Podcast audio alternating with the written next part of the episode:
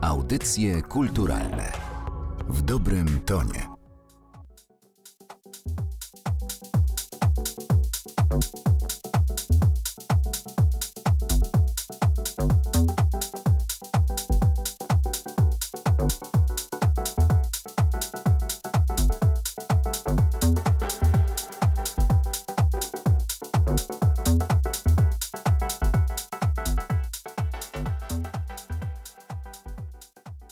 Mikrofonie Martyna Matwiejuk, a gośćmi audycji kulturalnych są dziś e, Łukasz Stachurko i Wojtek Urbański, czyli duet Rysy, który 20 sierpnia wystąpi na Dziedzińcu Kultury. Witam was bardzo serdecznie. Cześć. Cześć. Ja zaczęłabym e, może od tego, że bardzo dobrze was e, ponownie widzieć na scenie. Kilka lat temu ogłosiliście zawieszenie działalności, ale już w tym roku wracacie z nowym materiałem. Wasza debiutancka płyta jako Rysy, która ukazała się w 2015 roku, to był taki naprawdę bardzo, bardzo mocny początek i zastanawiam się, w jakim kierunku chcieliście, żeby ta wasza twórczość jako rysy poszła na tym drugim materiale. Pytam oczywiście o krążek Forget, o którym mimo tytułu ciężko zapomnieć. Wydaje nam się, że tak naprawdę to największą, taką cechą charakterystyczną naszych produkcji jest to, że my mało planujemy i zasadniczo po prostu, kiedy mamy ochotę robić muzykę, to bijamy do studia, robimy i patrzymy, co nam tam wyjdzie. Jest mało planowania, mało jakiegoś knucia i tak samo było i w przypadku Travelera, i w przypadku Forget. Zwykle wychodzą po prostu rzeczy, które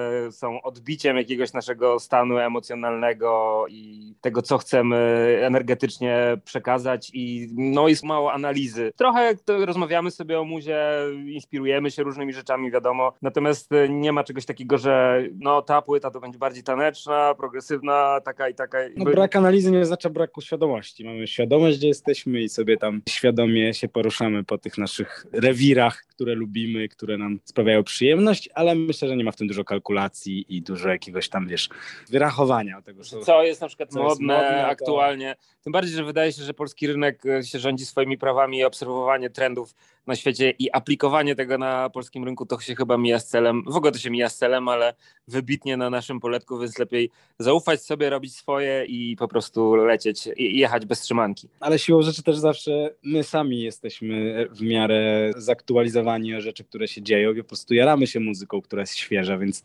siłą rzeczy też jakoś tam odnosimy się do tych trendów muzyki na świecie, ale to po prostu tak musiało być, bo po prostu sami jesteśmy pod różnymi wpływami też, tym, co nas aktualnie inspiruje i, i dlatego myślę, że w jakimś tam sensie się odnosimy do muzy. Mhm. No właśnie zastanawiałam się, jak się wam tworzy w duecie. No oczywiście przelot artystyczny z pewnością macie znakomity, ale myślałam tutaj bardziej o samym tym procesie tworzenia. Czy to, co dostajemy na płytach, to jest raczej właśnie wynik jakichś kompromisów między wami, długich dyskusji, dywagacji? E, czy to są jakieś takie sytuacje, które się wydarzają, jakieś takie iskierki, kiedy po prostu wiecie, że to jest to i nie macie obaj żadnych pytań? Znaczy my po prostu mamy taki utarty proces twórczy od pierwszej płyty, każdy zrobi właściwie to, w czym czuje się najlepiej i nie, nie, tutaj nie ma jakichś wielkich sporów. My się dobrze bawimy przy tworzeniu każdej płyty, więc tak te procesy twórcze nam się nie kojarzą z jakąś mozolną pracą w studio i wielkimi wyrzeczeniami, dyskusjami, kłótniami. Raczej każdy proces nagrywania płyty to była dobra zabawa i właściwie trochę nawet jak taka wakacyjna, jak wakacyjnym vibe'em. W sumie to wydaje się, że tak dużo tej muzyki robimy, jak już się weźmiemy za tworzenie, że jest z czego wybierać i tak naprawdę czasem to gdzieś zdryfuje w stronę fascynacji bardziej Wojtka albo moich, ale obaj wiemy, kiedy rysy to rysy i kiedy to, co wychodzi nam w studiu, co tam się rodzi, to jest właśnie to, co spełnia nasze oczekiwania w stosunku do tego projektu. I na tyle dużo takiej muzyki powstaje, że nie mamy problemu, że musimy jakoś to bardzo odsiewać. To po prostu tam jest. Tak naprawdę dzieje się dosyć spontanicznie. Tak jak Wojtek wspomniał, mamy fajny proces, który no po prostu uzupełniamy się. Tutaj nie ma jakiejś walki i udowadniania sobie czegokolwiek, tylko każdy robi swoje i po prostu w momentach, kiedy coś się wydarza, to obaj wiemy, że coś się wydarzyło i idziemy z tym prądem i, i rozwijamy to dalej. Wydaje mi się, że że jest coś takiego jak brzmienie, rys i to jest coś absolutnie odrębnego od tego, co tworzymy działając solo i już chyba się tego nauczyliśmy w jakiś sposób. Na początku to było bardziej intuicyjne i bardziej poszukiwaliśmy, teraz pewnie już bardziej świadomi jesteśmy tego, czym są rysy, więc ta efektywność też chyba wzrosła. Dużo szybciej powstał Forget niż Traveler. Wydaje mi się, że ilość roboczo godzin spędzonych przy Forgecie jeszcze w takich fajnych okolicznościach, bo my to tworzyliśmy w takich letnich albo po prostu wakacyjnych okolicznościach, to po prostu powstało dużo szybciej, jeżeli takie różnice między tymi dwoma albumami można byłoby wskazać. A propos brzmienia rys, no to muszę się wam przyznać, że ja słuchając tej płyty miałam niemały problem z tym, żeby ją tak jednoznacznie sklasyfikować i w ostatnim czasie dość trudno jest mi tagować taką ambitniejszą muzykę elektroniczną, co w sumie w gruncie rzeczy całkiem dobrze chyba świadczy o tych kierunkach i pewnie łatwiej byłoby mówić, z czego ta muzyka tak naprawdę wyrasta. Oczywiście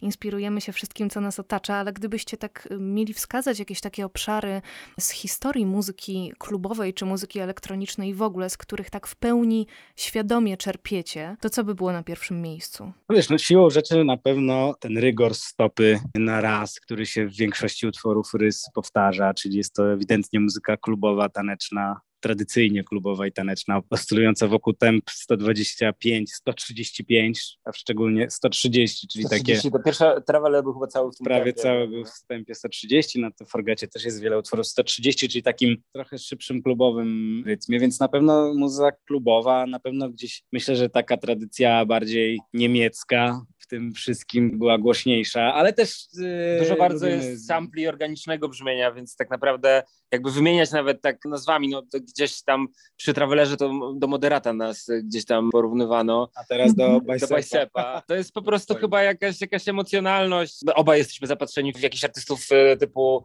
no nie wiem, pewnie można wymienić Forteta albo Floating Points, jeśli chodzi o takie bardziej organiczne podejście i jednak takie poszukiwawcze bardziej, prawda, bo to są artyści, którzy też mają swój klucz brzmieniowy, stawiają gdzieś tam na eksperyment, a z drugiej strony są piękne melodie i ta emocjonalność taka czytelna nawet dla niekoniecznie wyrobionego słuchacza, to są takie mocne rzeczy emocjonalnie. No bo stylistyka to jest jedna rzecz, a druga to właśnie jest ta warstwa emocjonalna i my te stylistyki to nawet sobie czasem trochę zmieniamy i bujamy się od różnych inspiracji do różnych, ale jeśli chodzi o emocjonalność, no to ona jest stała jedna i właściwie bardzo rysowa. Ona jest i na pierwszej płycie, i na drugiej jest taka zawieszona emocja gdzieś pomiędzy między smutkiem a szczęściem, gdzieś dokładnie po środku taka melancholia i no to, wydaje mi się, że to jest taka rzecz stała, która w rysach jest niezmienna. Tym bardziej, że jeśli my gdzieś zdryfujemy w jakiś kierunek, że czujemy, że coś jest jak coś innego, jak już czujemy, że ta gatunkowość się pojawia, to najczęściej porzucamy takie pomysły. To nas nie interesuje. Fajna jest muzyka, kiedy jest taka wsobna, kiedy, kiedy jest poza czasem, poza modą. Pamiętam, że jak robiliśmy pierwszą płytę, to bardzo wtedy mocno wjechały trapowe brzmienia, chociażby bitów i pamiętam takie rozmowy przy pierwszej płycie, w której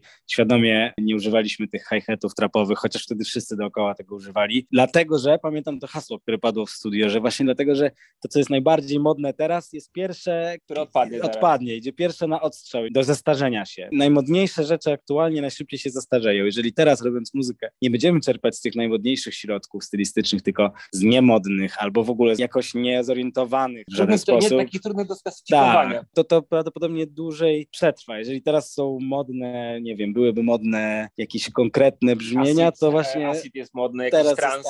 Tak, to z całą pewnością będzie to najmniej modna rzecz za dwa... Szybciej niż się obejrzymy. Tak, za dwa czy trzy lata, więc sposób na bycie modnym na dłużej jest taki, żeby nie być modnym teraz. Zresztą czujemy, że w jakiś sposób. Piękne w ogóle, dziaram.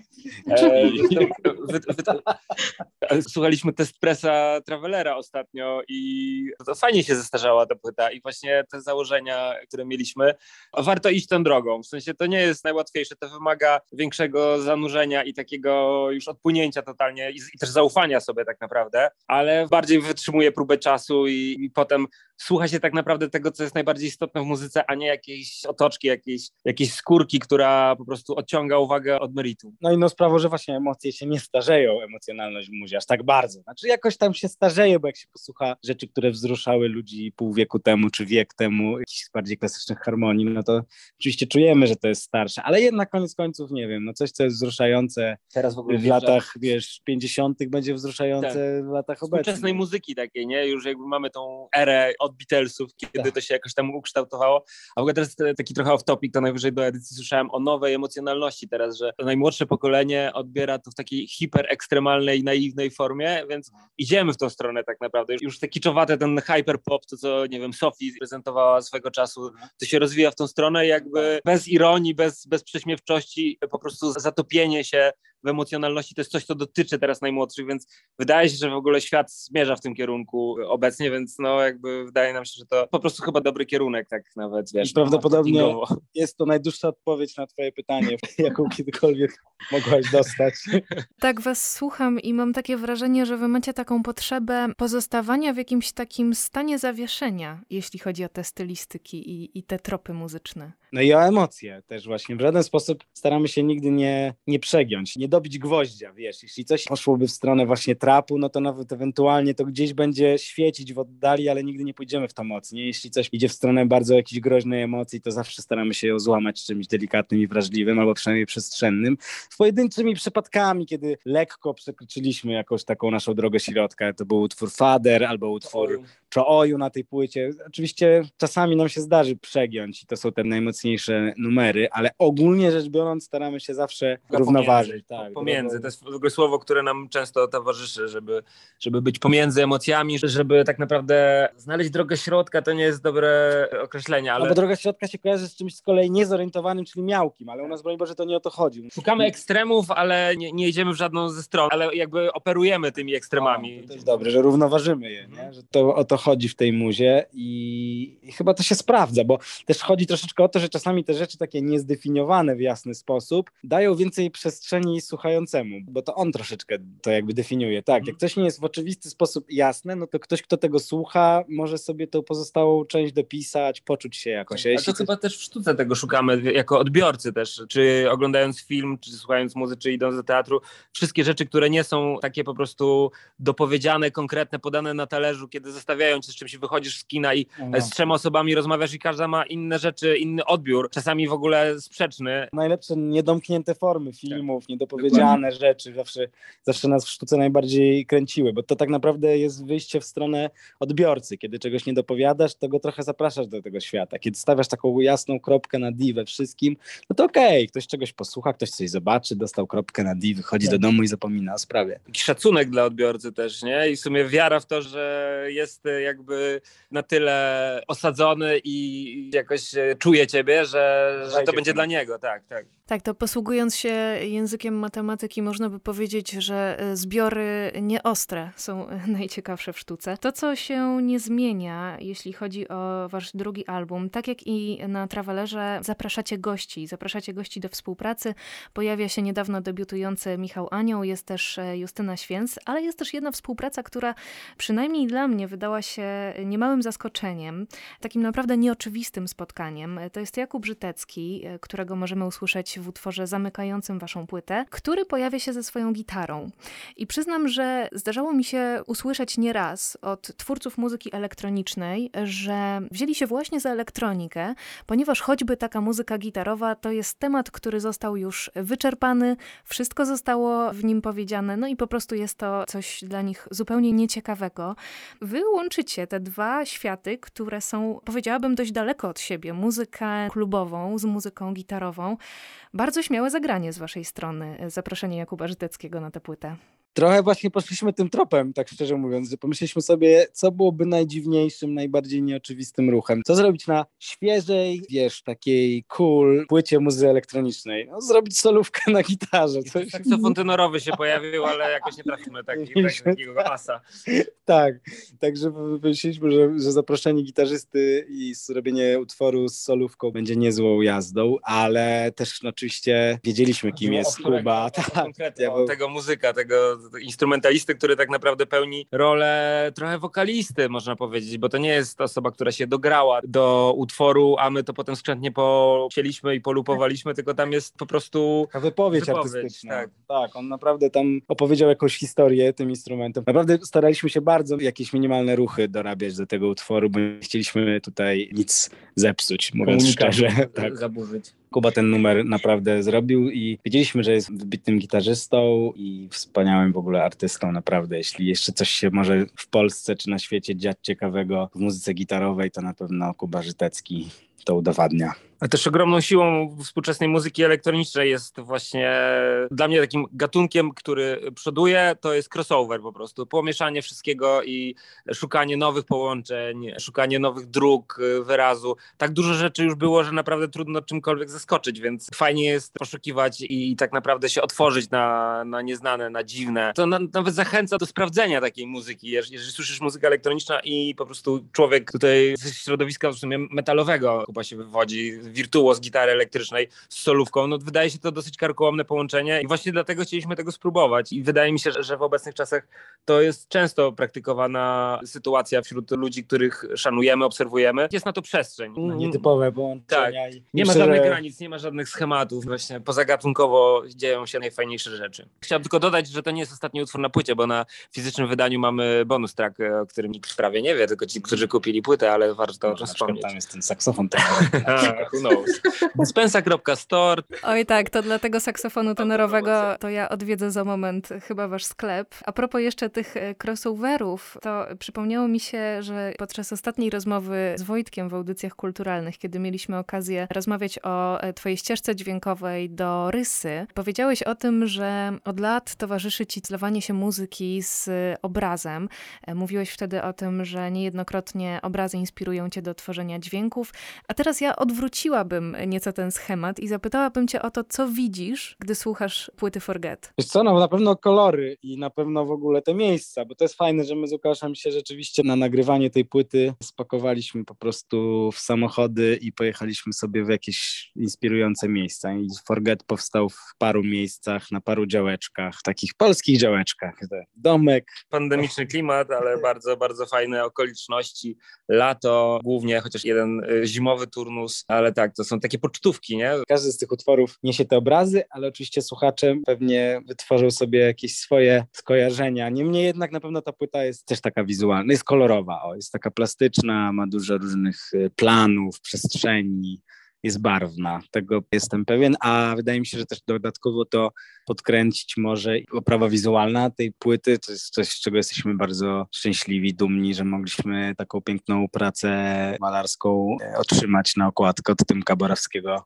Ale też pracę, jeśli chodzi o stronę wizualną Konrada Tułaka. Mamy taki tryptyk trzech klipów, e, które towarzyszą właśnie trzem singlom z Justyną i jeden z Michałem i Forget jeszcze tytułowy. Ponadto Kuba Matyka, który tworzy takie niesamowite organiczne światy, z kolei takie bardziej technologiczne, ale też świetnie rozumie tą muzykę, czuje je z nami od początku, bo przy pierwszej płycie też współpracowaliśmy. I on stworzył do Chooyu i do anime I animację do- i do The Night is New, tak, także też mamy raczej taki stały zespół ludzi bliskich, którzy nam pomagają tą stronę wizualną, tak, bo to też jest właśnie długa odpowiedź na twoje pytanie a propos strony wizualnej. Ta strona wizualna zawsze dla nas była ważna i staraliśmy się, żeby jeszcze ten świat dźwięków miał godne dopełnienie w sferze Mhm. wizualnej. A ponieważ my dzisiaj rozmawiamy między waszą jedną a drugą próbą, między jednym koncertem a drugim, to nie mogę was z ciekawości nie zapytać o to, który z utworów jak dotąd sprawdza się najlepiej na scenie. Z wokalnych to 8-8 z Michałem Aniołem. Ludzie śpiewają, to jest bardzo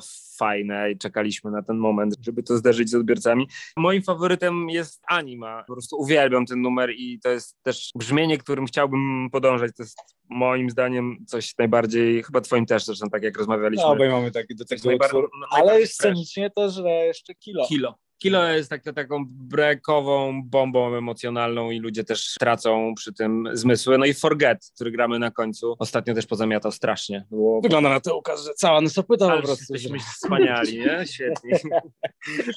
Te nasze utwory są często skonstruowane po prostu tak, żeby zamiatać troszeczkę na scenie, no ze sceny. Trochę Także tak wyszła ta płyta też, bo w przypadku pierwszej płyty my trochę chyba więcej też z wokalistami współpracowaliśmy, a teraz był taki głód pracy, że się zamknęliśmy w studio i chyba obaj po prostu teraz trochę bardziej zmierzamy w kierunku takiej funkcjonalnej muzyki, która poza tym, że da się jej słuchać w jakichś okolicznościach typu, nie wiem, oglądając gwiazdy na niebie albo jadąc samochodem, to świetnie się sprawdza też dancefloorowo i, działa po prostu. Ma tą funkcję taką, żeby porwać do tańca i taki też jest Forget. To jest mocniejszy, bardziej zdecydowany i to jakby idąc tym tropem też live, który przygotowaliśmy, żeby ograć Forget, nawet remiksy utworów z Travelera są już na tę modłę przerobione i tak naprawdę no, ten live fajnie się buduje, mamy już pierwsze koncerty za sobą i pierwszy kontakt z ludźmi, testujemy po prostu nowe rozwiązania i na pewno bardzo polecamy się do posłuchania nas na koncercie na żywo. Naszych recitalach.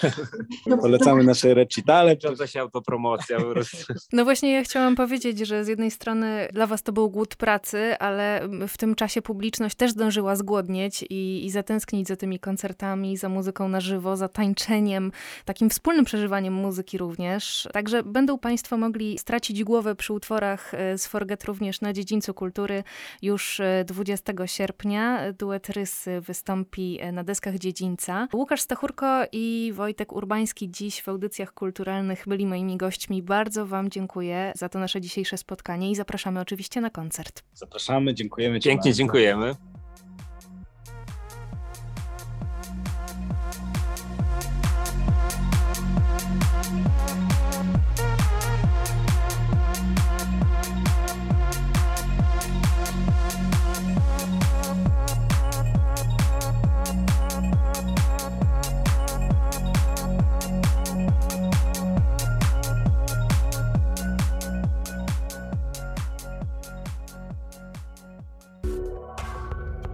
Audycje kulturalne w dobrym tonie.